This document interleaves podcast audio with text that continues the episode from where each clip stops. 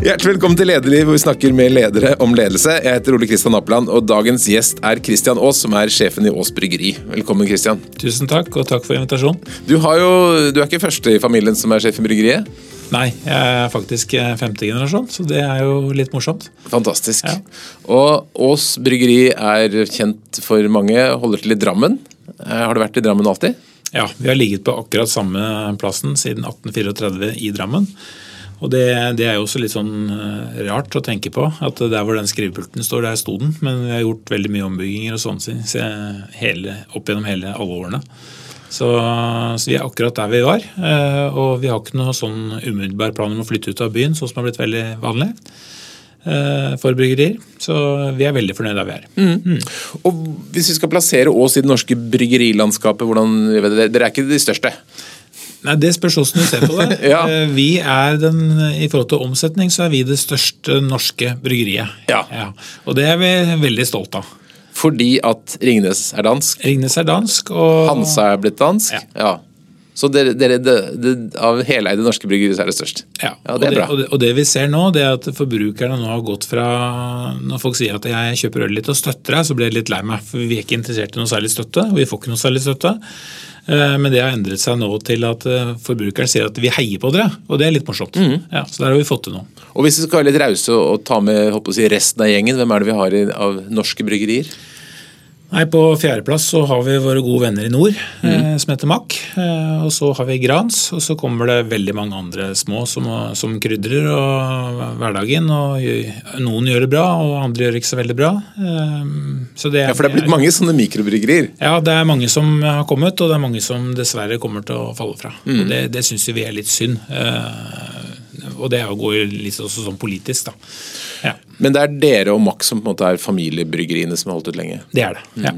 Hvor er det man selger Hvor kan man kjøpe oss? Jeg, vet, jeg har sett det, men Er dere i alle kjedene? Ja, vi er i alle kjedene. Så vi var så lure for noen år siden at det gikk i grossistdistribusjon. eh, Eller ble distribuert via grossister. Så vi håndterer, vi håndterer da bare hele paller ut fra oss. Og så har de et eh, sinnssykt bra profesjonelt system på å kjøre fulle lass eh, i forhold til bærekraft eh, ut. eh, Og gjør det på en langt bedre måte enn vi klarte. Og Det førte til at vi da ble over natten egentlig landsdekkende. da. Og så er det, det, det er tunge ting vi frakter, så det lønner seg jo egentlig i forhold til bærekraft ikke å frakte det veldig langt. Så Norge er jo et langstrakt land. Så, det, så vi er størst øh, vi er størst i nærheten av Oslo-området og vokser også mest der. Eh, Så hele Sørlandet vokser vi, og ja, så det begynner å, begynner å dra seg til. Så det Sånn, uten å dra hele katalogen, kan ikke si litt hva dere lager? Nei, vi, vi lager eh, 31 millioner liter øl, vi. Eh, Så vi har jo gått fra egentlig å være et Vi hadde jo en langårig, eller mangeårig Coca-Cola-kontrakt hvor vi tappet Coca-Cola i 54 år. eh, Og når de bygde eget anlegg i Norge, og gikk vel egentlig fra en markedsandel i Norge på, som de hadde da, på 98 eh, og gjorde om sin struktur. og Nå, nå haler jo Pepsi Max innpå så det holder, og har blitt større. Så, men da, da lagde vi over 20 millioner liter mineralvann og 5 millioner liter øl. og Det er ikke veldig mange år siden, det er 25 år siden. Og så har vi nå gjort om egentlig til å være, bli et rent bryggeri. Eh, og så har vi litt mineralvann for å krydre hverdagen. Så det var tydelig og strategisk skifte for dere, da. Ja, veldig. Det er eh, Vi måtte Vi var eh, vi var litt i midten, eh, så vi måtte ta Enten så måtte vi bli helt spesialbryggeri, og det var det veldig mange andre som var og er gode på. Eller vi måtte slåss med de store gutta. Eh, Og det, og det er det vi har valgt. Eh, For ikke å falle i, helt i midten, da, så må vi liksom ta et strategisk valg og gjennomføre på det. Så vi har jo da eh, økt ølvolumet fra 5 millioner liter og så opp til Når jeg begynte, så hadde vi 17 millioner liter. Og så nå har vi da, siste par årene har vi økt til 31 millioner liter. Og du begynte i 2013? Jeg, jeg begynte på bryggeriet i 2006.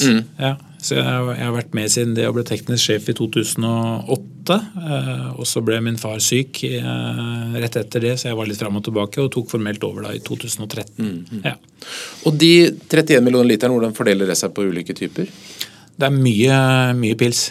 Ja, jeg har satt min ære i å lage Norges beste pils. eh, Og det, det får du prøve å smake på om jeg har klart.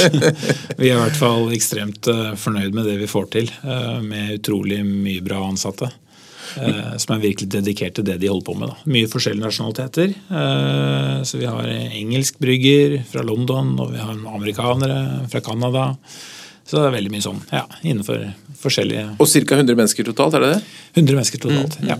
Men, men vi ser jo stadig vekk nye øltyper. Sånn. Er, det, er det bare blaff? Er det, er det pilsen som er grunnfjell, eller hvordan ser ølmarkedet ut? Ja, pilsen er grunnfjell for oss eh, og for hele bransjen, egentlig. Men vi ser jo nå trendene er alkoholsvakt eh, og kalorifattig. Og Det er det som er de nye trendene nå, som vi også er med på. da. Mm. Eh, og, Alkoholsvakt kommer. Eh, vi har jo vår Ås uten. Veldig god. Ja, takk. Eh, så den, den selger jo selger ekstremt bra. Eh, så den er vi veldig fornøyd med. Hva er det som driver den trenden? Jeg tror det er helse, eh, og at man eh, begynner å bli veldig bevisst på hva man putter i seg. Etter hvert så kommer også nå bærekraftstrenden, hvor det blir rett og slett upopulært å kjøpe glassflasker fra Mexico, tror vi. da. Ja. Og det, det, tar nok litt tid. Vi ser ikke forbrukerne, de, de skjønner ikke helt ennå, men det kommer til å komme. Mm. Ja. Nå kom det noe ny kostholdsråd nettopp. Ja. Var øl på lista? Ja, jeg, jeg, tror det, jeg, jeg, tror det, er viktig når man lever og koser seg litt òg. Ja. Og så var det vel råd om lavere og mindre alkohol, så ja, sånn sett så er det bra, en bra driver for oss uten. da. Er, ja, og det er kjempebra i forhold til eh, den produktene vi lager òg, som er jo alkoholsvake produkter. Eh, men alt med måte. Mm.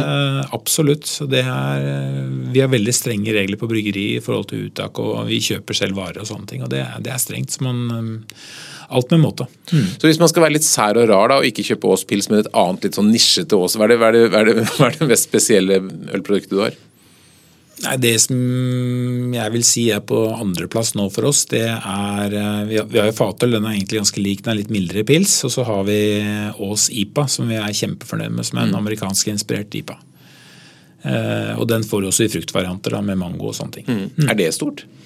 Eh, det, er ikke så verst. Eh, så vi, vi lagrer det er, det er, ikke så lite som bukkøl, for det er litt for sært. Ja, bukkøl eh, er sært. Ja. Det, det, går ganske lite av, men det er jo et fantastisk øl.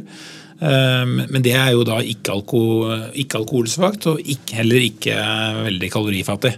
Jeg liker jo Bukk og Bayer og disse litt spennende ja, ja, det er kjempe, Men, men vi, vi syns det er ålreit med de du kan ta to av, da, ikke én av. Ja.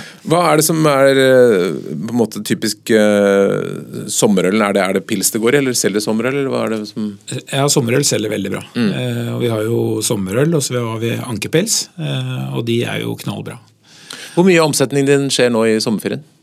Nei, vi, vi, har veldig jevnt drag gjennom hele året, egentlig. Eh, så vi har ikke noe sånn voldsomt eh, Før så var det sånn at vi tjente aldri penger før juleølet kom. Eh, og nå har vi prøvd å javne ut det, sånn at vi har en mer javnere drift og javnere trykk. Da. Og det har jo også hjulpet i forhold til da, at vi er landsdekkende og at vi er grossistdistribuert, at vi klarer å drive jevnere og så utnytte da lagerkapasiteten til grossistene på en bra måte. Mm. Så det er en bedre flyt. Eh, øl er jo en ferskvare. Vi har ni måneders holdbarhet på en pils, og, og, den smaker jo best når den er eh, ikke eldre enn ni måneder. Men det går helt fint å drikke en pils som er to år gammel. Det gjør det.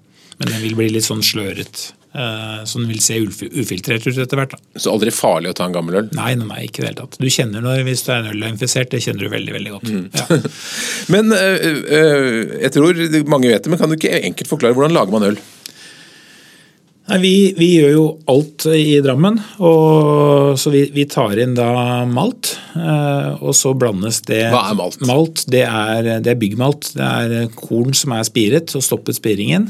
Og så blir det malt. Eh, så det er eh, ja, og, og, så tar vi inn det, og det ligger på siloer. Og så bestemmer bryggeren da hvor mange kilo han skal ta ut av siloen. Og, og, og det blir knust i en mølle. Eh, og blandet med vann. Og så går det en meskeprosess, som vi kaller det, hvor du har først 50 grader, så 62 grader, og 72, og så 78 grader, hvor det blir silta. Da. Og silta det er å skille da faststoffet fra væsken som vi da skal koke. Og så er det noe gjær inne i bildet? ikke? Ja, men den kommer seinere. Okay. For da koker vi. Eh, så da hever vi temperaturen Jeg syns det er veldig interessant å snakke om temperaturer. da. Ja, ja. I sånne energidager som vi er nå, så mm. er det veldig viktig å ta vare på all den varmen og gjøre det på en fornuftig måte. Men da er vi på 75 grader når vi har silta, og så bruker vi da overskuddsvarmer fra forrige brygg til å varme opp til 98 grader. Og så går det da veldig fort i kok. Vi ligger jo på Drammenselva, så der koker det på 100 grader. Eh, så koker vi 45 minutter eh, og tar innpå gjærings... Eh, og da tilsetter vi gjær, og så gjærer vi det ut. Og det tar på vår pils, så tar det vi bruker fire uker. Vi kunne klart det på to, men vi bruker fire uker, for vi mener at det gir et bedre øl. Mm. Og gi det litt tid. Alt som tar litt tid, det, det, det har noe med smak å gjøre. Det er samme som du langtidssteker kjøtt og sånne ting. Fikk vi med humle nå? Eh, humlen er inne i kokingen. Ja, ja det, er det, er det, er ikke så veldig mange ingredienser. Nei, det er fire, er det ikke det? det er, jo, det er fire, så det er et veldig naturlig produkt. Ja. Uh, og det, ser vi at det, er også noe som forbrukeren syns er ålreit å vite. Hva som er i produktene sine. Så Vi har jo ikke noe E-stoffer og sånne ting i produktet i, når vi brygger etter renhetsloven. Så har vi ikke noe annet enn de fire produktene inne i produktet. Og Det gjør det vanskelig for oss mm. å lage et kvalitetsøl, eh, for det hadde vært enklere å og tatt en, eh, tatt en eh, søramerikansk vri mm. Eh, og tilsatt seks-syv E-stoffer mm. for å holdbarhet og holde det klart lenger, men vi velger å gjøre det på en skikkelig måte. Men Du refererer til renhetsloven, den står det jo ofte på etikett, men, men, det er ikke en ordentlig lov? Det er bare en, en, en tradisjon? Ja, det er ikke noe lov. Vi, eh, men det, det, var en lov. Mm. Eh, vi, eh, det var en lov i Tyskland, men, så det er mer en gimmick nå. At, folk, noen har et forhold til den, men det blir færre og færre, egentlig. Mm. Ja. Men når dere da lager øl av disse fire ingrediensene på samme måte som alle andre brygger, stort sett, da, bortsett fra de du nevnte, er som, hvor er det dere skiller ut? Er det, hvor er det dere gjør noe spesielt som gjør at din pils ikke det, smaker det samme som Ringnes eller Hansa? Nei, vi, vi har et veldig godt vann. Eh, og så har vi riktig prosessutstyr og veldig flinke folk. Mm. Det er det som skiller det. Og så får vi annen kvalitet fra gang til gang. Mm. Mm. Men så, som du da påpeker, så tar det lang tid. Og nå så er det sommer, og så selger du masse øl. Hvordan, hvordan, klarer du å planlegge salg i forhold til altså er, det, er det en utfordring? Hvis du selger alt, da, så kan du ikke bare gå på lager og hente mer?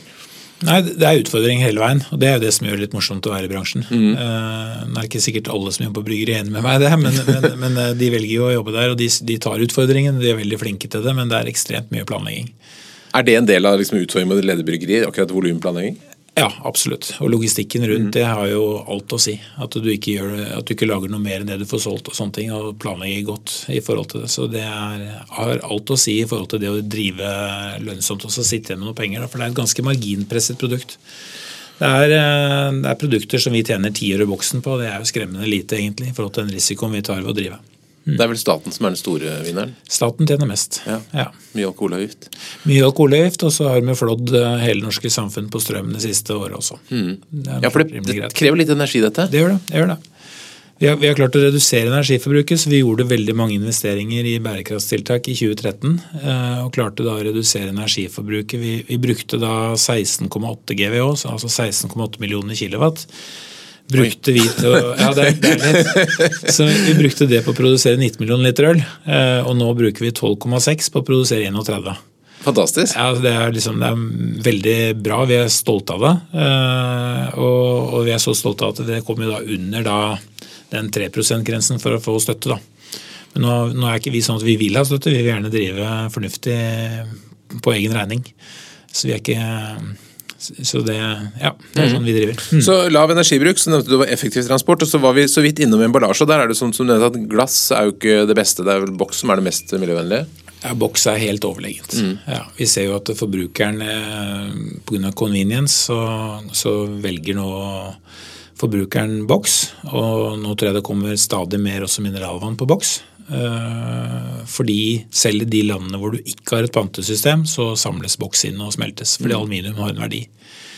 Og det sliter man jo med i forhold til plast, eh, hvor man ikke har funnet noe, måte, noe ordentlig eh, reell økonomi i å, å, gjøre plast til olje igjen, da, for å si det sånn. Men vi har et bra pantesystem i Norge? Eh, pantesystemet i Norge er kjempebra. Og Der blir jo alt i hvert fall brukt igjen? Ja, ja, ja, så det er mm. kjempebra. Men, men, men du får ikke noe på en måte økonomien i det. Eh, og det er utfordringen. Mm. Eh, og så er det de, de emballasjene som ikke kommer inn. Da. Eh, for det er jo noen prosent som ikke kommer inn, og da er det bedre at det er aluminium.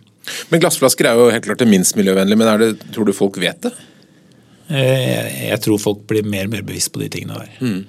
Og det vi har sett nå, det er jo hvordan pakker vi da multipacks. Eh, og vi pakker jo det i plast, eh, fordi vi mener at akkurat der så er plast Altså sixpack-øl? Sixpack-øl ja. eller tolvpakke og sånne ja. ting. Eh, F.eks. ankepilsen vår kommer jo i en tolvpakk med plast. Mm. Og til neste år så nå har vi installert en sånn pappmaskin, så nå vurderer vi å gjøre om den til fridgepack. Mm. Fordi vi er redd for da at det er typisk noe du har på båten som mm. da ikke blir samlet inn i, i søppelkassen hjemme. Da. Mm, så det er sånn vi gjør i forhold til miljø. Så tar vi noen investeringer nå som vi mener forbrukeren kommer til Eh, å ta valg basert på da, i mm. framtiden. Så det, det, er utrolig spennende. Dette er et superinteressant tema som jeg har jobbet mye med, jeg må bare si det. Ja. men, men, jeg så jo at, at um, Carlsberg de utviklet denne løsningen hvor de klistrer sammen bokser, men denne uken eller nå nylig så sa de at du skulle gå tilbake til plast. Det er fordi at forbrukere ikke vil ha det, rett og slett? eller?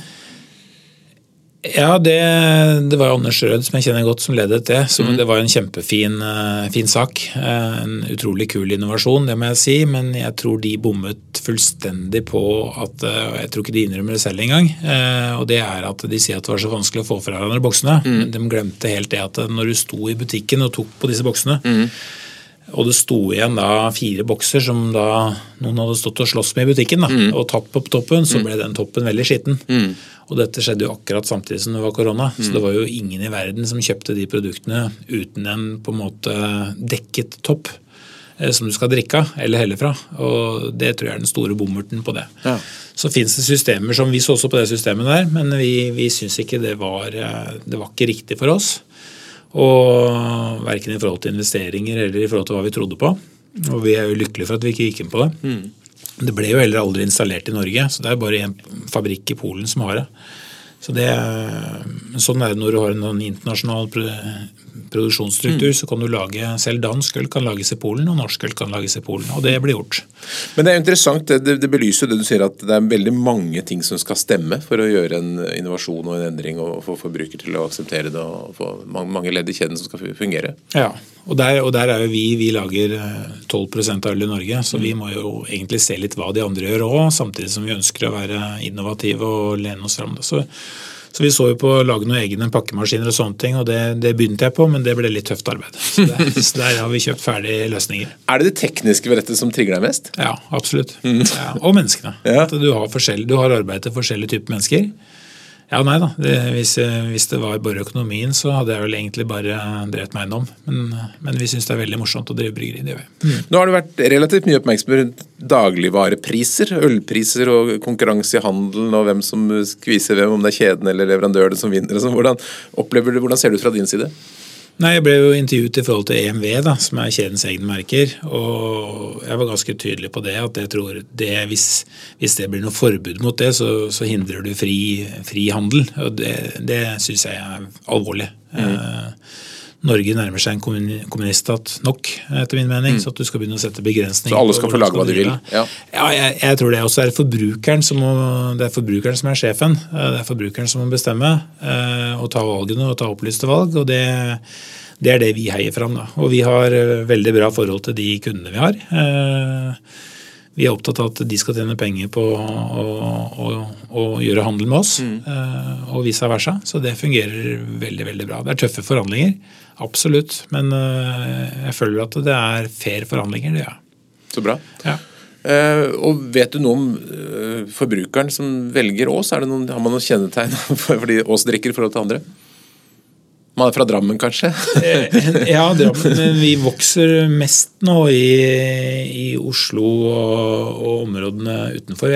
Vi har en, uten tvil en norsk trend. Mm. Etter at de, de, store og etter at 80% av volumet nå er danskeid, mm. Eh, så har vi en norsk trend. Så både vi og Mack eh, vokser på det. Eh, og så må vi ha da riktig pris, for vi fighter jo da med noen som har mulighet og også benytter seg av produksjon i utlandet.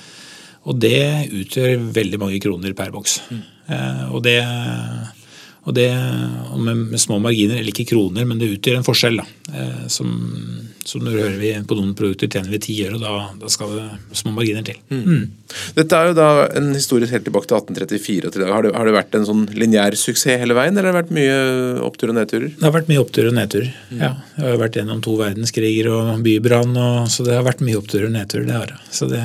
Hva har vært de kritiske punktene for Ås bryggeri? Nei, Før min tid så ville jeg vel si at når alt brenner ned, når du har begynt å bygge Det var jo bybrann i 1866, så det var jo etter at det startet i 1834. Så det mm. var vel en, en tøff start, sikkert i forbindelse med generasjonsskiftet. Mm -hmm. Uh, nei, det, er, det, har vært mange tøffe ting. Du har mistet Cola-kontrakten etter 54 år, da, som du hadde tjent bra med penger på og solgt, distribuert uh, og kjørt rundt med varer og, ja, det, og produsert. Da. Det, det, er klart det var en stor overgang, og det knakk nok uh, Faren min gikk, nok på en liten smell der, det mm. tror jeg nok. Men vi har klart omstillingen. Han begynte omstillingen, jeg har dratt den videre. Og det er det å ikke gi opp, så det, har vært, det er jeg stolt av. Det, ja. Men det er klart det var du vet, Jeg vokste opp med en bestefar som fikk gaver av kjøpmennene for at han fikk kjøpe øl av oss. Uh, og den hverdagen, den, den er ikke der. og, det, og, det, satt nok litt i veggene, altså den kulturen. Altså det, så vi diskuterer stadig på bryggeriet nå hva, hva er faktisk proaktivt salg. og det er det bare å sette en annonse i avisen? Uh, noen mener jo det. Uh, og det, det, er, det er ikke jeg enig i, i hvert fall. Nei. Men det at det er et reklameforbud på øl i Norge, er det et stort problem for deg? Eh, nei, det, det, er regler som vi forholder oss til. Eh, jeg vil ikke si det er noe Det er i hvert fall helt likt for alle. Eh, og det er det vi syns er ålreit, at når du har regler, at det er likt for alle. Og det, det, er andre ting som er større utfordringer. Du kan si fra vårt ståsted, hvis, hvis, det ikke hadde vært det, så hadde du blitt dunka ned av reklame fra utenlandske aktører. Mm. Så, men likt for alle, det er vi for. Og mm. Da forholder vi oss til regelverket som er, og det er superstrengt. Det er det absolutt. Så det gjør jo litt sånn kjedelig, men kjedelig på en måte å jobbe i markedsavdelingen, men morsomt på en annen måte hvis du klarer å liksom skape historiene og fortelle historiene. Da. Og Det er det vi, vi, jobber med. Da. Så Vi har et sånt ølkultursenter som vi har 12 000 mennesker innom i løpet av året. Eh, stadig mye firmaer som kommer fra Oslo, og det er jo litt kult, for det drar folk også til Drammen. Eh, så går, Vi konkurrerer ikke med kundene våre, så de er da ute og spiser og drikker ute i Drammen etterpå og, og ser Drammen. da. Så det er jo kjempebra. Og Drammen er en by som har forandret seg mye? Ja, ja, ja. Og så er den veldig nærme til Oslo òg. Så hvis du vil til Oslo, så tar det Jeg brukte 30 minutter inn med tog i dag, mm. og det er helt fantastisk. Så, um, men Drammen, det er veldig mye som skjer i Drammen. Ja. Det er ikke det yrende livet der i Oslo, det er det ikke. Det kommer. Det, det kommer. kommer. Jeg tror det. Nå pleier jeg ofte å spørre disse programmene om liksom hvordan kom du på denne karrieren, men for deg så har det kanskje ligget litt i kortene? Nei, jeg har ikke det. Jeg, jobbet, eh, jeg begynte i bryggeriet i 2006, ja. Eh, så jeg jobbet egentlig ti år utenom bryggeriet først, og skulle egentlig aldri begynne i bryggeriet. Men når du var liten, var det et, liksom, sa pappaen din at en dag skal, dette bli ditt? Du, nei, det sa han ikke. Eh, det har ikke vært noe press i det hele tatt. Det var egentlig sånn at, i hvert fall jeg, da, jeg har, tre, jeg har to andre søsken, men jeg mm. var veldig opptatt av å ikke jobbe i bryggeriet. Men så begynte det egentlig litt tilfeldig. Eh, jeg har jobbet eh, fem år i IT-bransjen og, og, ti år i en sånn maskin, maskinforretningsbransje. Og, og, så jobbet jeg fem år i bank, og det syntes jeg var litt kjedelig. Eh, jeg, Men jeg hadde ganske mye byggelån og ute på byggeplasser, det syntes jeg var morsomt. Og så begynte, det var et byggeprosjekt vi skulle ha på bryggeriet, og det sa jeg det skal jeg klare for en tredjedel av prisen. Og Da fikk jeg muligheten til å prøve meg, og klarte det for en tredjedel av prisen. Og så ble det det prosjektet, og så ble det et par andre prosjekter rett etterpå. Og så ble det bryggeri? og så ble det bryggeri, ja. Det ble det. Så ble jeg teknisk sjef for bryggeriet. Men ganske, du har ganske vid bakgrunn da, for å gjøre den jobben? Ja, men det har vært uh, interessant, det. Mm. Ja. Jeg tror det er liksom sånn for å få litt standing, eh, ikke bare inne på bryggeriet, da, eh, blant de ansatte der, å komme inn og så bare liksom arve stillingen. Det, det, jeg er glad jeg ikke har gjort det, da, selv om jeg på en måte har gjort det. Så, så har jeg gjort noe annet før og bevist at jeg klarer å stå på egne ben og tjene egne penger. og Det mm. tror jeg er litt viktig. Når du da fikk eh, overta eh, sjefskontoret, hvordan tenkte du at du ville være som leder? Nå har jeg ikke overtatt sjefskontoret, da. Det? men, men, jeg har hatt en veldig bra overgang med faren min. Ja, okay. Han sitter i styret, men han har Har han beholdt kontoret? Ja, han har beholdt kontoret, men han er bare innom eh, innimellom. da, for Han mm. er jo ute og brygger med noen venner på, på Nesodden og, og, går mye på ski og løper ute i skauen og sånne ting. Så, så, så, han er pensjonist, han er 80 ja. år. Men han har fremdeles kontoret sitt. da. Mm. Eh, men du fikk i hvert fall overtatt tittelen, da? Ja, nabokontoret og mm. tittelen. Ja, da, men nå er ikke jeg så opptatt av titler, da. Så vi har en ganske sånn uh, flat struktur på bryggeriet. Mm. Men hva ønsket du å stå på? Hadde du liksom klar tanke hva du ville stå for som leder for de ansatte? Jeg hadde lyst til å gjøre eh, hverdagen eh, enklere for de ansatte. Eh, og dermed få ned feil på produksjoner for å få opp kvaliteten. Mm. Og Det er det jeg jobbet med. Å gjøre rett og slett hverdagen enklere og, og se inn i framtiden på hvordan vi måtte, måtte få ned enhetsprisene våre og kostprisen vår for å være en del av den framtiden og den strategien vi valgte og hvem vi skulle slåss mot. Da. Ved at vi ikke skulle slåss mot mikrobryggerier, men, men være en betydelig aktør. Mm. Og øke volumet vårt. Så det, så det, har vært en drivkraft sammen med de ansatte. ja. Og Hvordan jobber man da, for dette er sikkert noe mange ledere kan kjenne seg igjen i. at Man har lyst til å få litt høyere kvalitet i alle deler av virksomheten. Hvordan har du jobbet for å løfte kvalitet og dra de ansatte med på det? Jeg har vært veldig sånn, tydelig på hvem som har ansvar for hva, eh, og fordelt det ansvaret så at man har da, og, og, tilliten til at man gjør den jobben, og latt de gjøre den jobben som, som de kan. Eh, og, men veldig tydelig på hva de forskjellige har oppgaver. Så jeg er nesten sånn helt sånn Eh, veldig opptatt av det og har nesten lyst nå til å For jeg hører fremdeles at det er litt uklart noen gang hvem som faktisk har ansvar for hva. Mm. Og, så, og, så, tenker jeg, jeg kommer fra bankverdenen, så tenker jeg sånn matrise, ansvarsmatriser, det er noe jeg faktisk liker. Og noen syns det virker veldig rart, eh, men jeg digger det, for da kan du spare masse mail på at du vet hvem som har ansvar for hva 100 da. Eh, så jeg, så jeg, lurer på om Ansvarsmatrisen er kort og godt en god beskrivelse av, hvem, av alle oppgaver som skal gjøre det? Alle, alle ansatte med navn, mm. ikke med tittel, mm. så at det også blir tydelig. Mm. For det er utrolig hvordan ting kan bli utydelig eh, hvis man bruker funksjoner og sånne ting. Eh, men tydelig på navn, det er derfor man har navn. Eh, og, og, så setter Post-It-lappen i panna på de som har. Og da vokser også de som får de oppgavene. Og det mm. blir veldig tydelig for dem hvilke oppgaver du egentlig har. Er det et problem mange steder, at folk ikke helt vet hvem som har ansvaret? Det tror jeg absolutt. Mm. Ja, det tror jeg. Jeg tror det glir, og jeg tror det blir veldig mye sånn at man bruker veldig mye interntid til å spørre rundt på hvem som egentlig skal gjøre hva. Mm. Uh, det tror jeg. Ja, og, og, det, og, det, går ikke på at ikke folk vil gjøre oppgavene, det går, det, det går bare på at det, er noen ting du automatisk skyver på. da. Mm. Uh, og så blir det uklart, og så går tiden, og så bruker man veldig mye interntid på mailer og sånne ting, og det er noe vi prøver å absolutt få ned. Ikke stå på kopier og sånne ting hvis du ikke trenger det. Ja. Og Hva gjør du for å motivere folk til å gjøre jobben bra? da? Vi, vi, har, eh, vi, vi, har, eh, vi, har, en sånn eh, visjon nå som heter 'Vi skaper gode stunder'.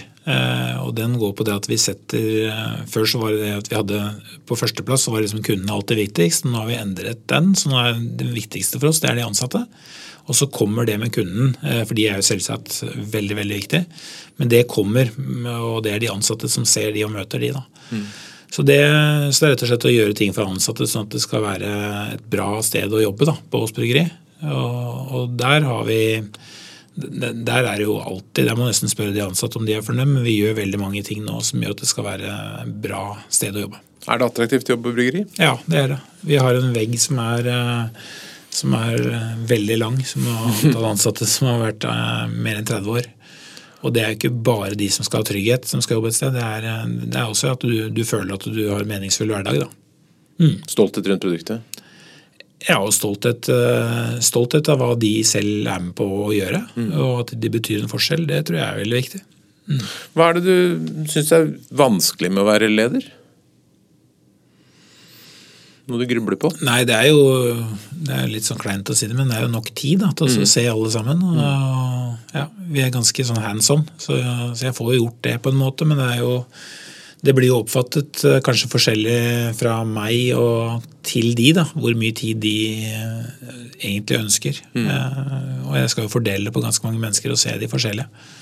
Så det Ja. Hva, hva, hva, bruke tiden fornuftig og, og ha rutiner for ting. og for meg selv da, som leder. Mm. Eh, og så klype seg selv i armen og så, og så gjennomføre de tingene du setter opp. Det er, det er, veldig viktig for meg.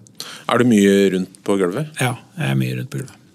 For Du liker å kikke litt på maskiner og tekniske ting òg? Ja, jeg, jeg, jeg, liker ikke bare å kikke på det, jeg liker å jobbe med det. Mm. Eh, og se forbedringer og sånne ting. Så det syns jeg er utrolig morsomt. Og så elsker jeg da når noen ansatte kommer med ideer som er veldig veldig bra, mm. forbedringer, det, som sparer andre igjen for tid, det syns jeg er veldig morsomt. Hva er det du har av utviklingsprosjekter fremover? Nei, nå, nå, er det å få den pappmaskinen skikkelig opp og gå. Mm. Eh, det er det første, og så holder vi på med Så det betyr at vi får en eske med ti øl eller et eller annet sånt i? Ja, ja. freezepack. Som mm. kan ligge, så det, det, gleder vi oss til. Mm. Å få den på enkelte produkter. Vi kommer ikke til å ta bort plast, plast for papp er faktisk veldig mye dyrere. Mm. Uh, og det er litt sånn uklart hva som egentlig er mest, eller minst Hvis du sorterer, så er vel plast mer bærekraftig, tror jeg. Ja, ja, det er diskusjoner mm. rundt det, så jeg er ikke uenig i det. Men hvis det havner i vannet, så er det uten tvil at papp mm. er veldig veldig bra. da. Mm. Uh, samme aluminiumsbokser i forhold til plast. Mm. Så det, liksom, det, er derfor vi tar visse deler av produkt, produktporteføljen vår. da. Mm. Eh, ellers så er det veldig mye rundt miljøet, egentlig, med statsforvalteren om utslippstillatelser og sånne ting, sånn som vi jobber med. Eh, og det, det, er utrolig bra at de kravene kommer. Uh, og det er utrolig morsomt å se at vi ligger på sånn best available technics, så ligger vi veldig bra an, og det er kult. Men på utslipp så, så vil jo nå statsforvalteren at vi skal rense avløpet vårt 100% før vi slipper et kommunalt renseanlegg og betaler full pris. Og det, det syns vi ikke er greit. Nei, Du skal Nei. slippe ut rent vann og betale fullt for det? Ja, ja, ja, Så det kommer ikke til å skje. Så da, da må vi være virkelig henge på. Så da må du ut og være lobbyist, da? Da må jeg, jeg er lobbyist. Jeg må jo si ting som det er, da. Jeg har en veldig flink konsulent som hjelper oss nå, som er, som er også veldig down to earth. Mm. Er det, Opplever du å få god støtte og velvilje fra myndighetene generelt?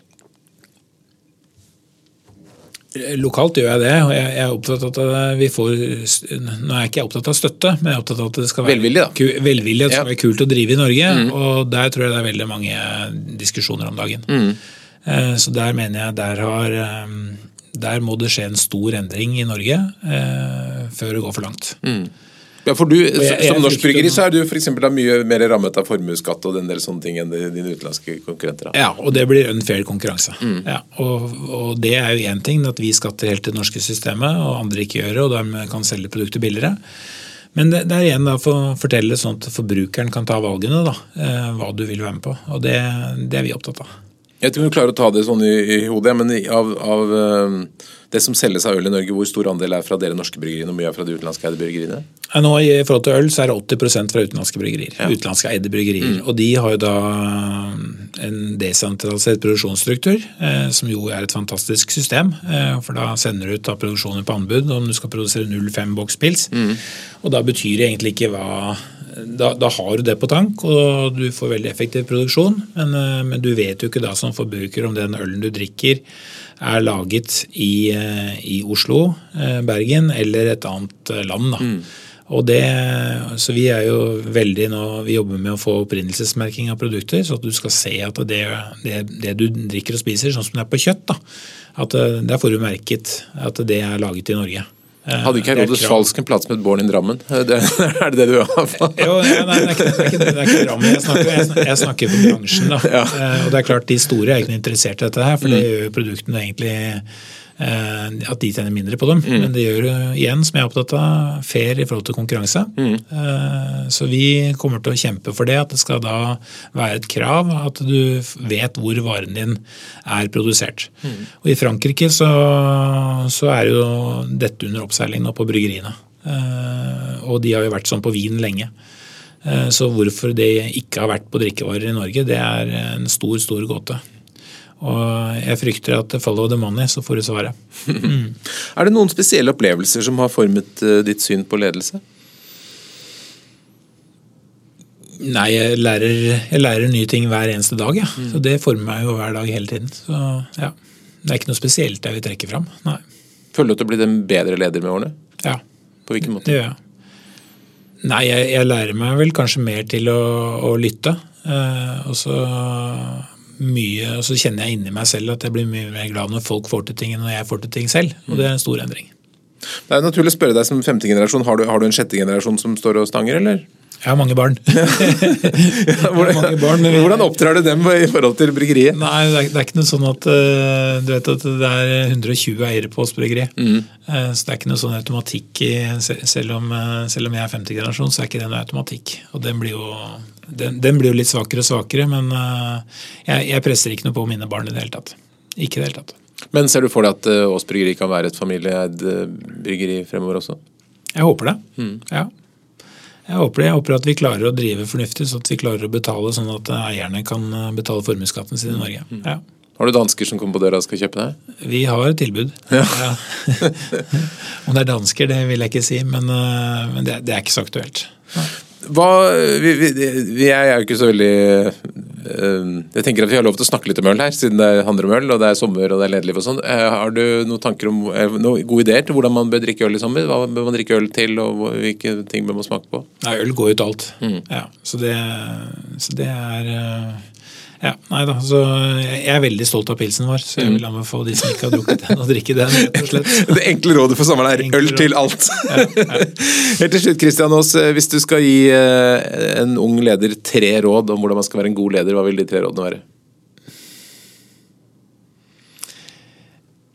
Jeg vil si det omgås de menneskene som gir deg energi.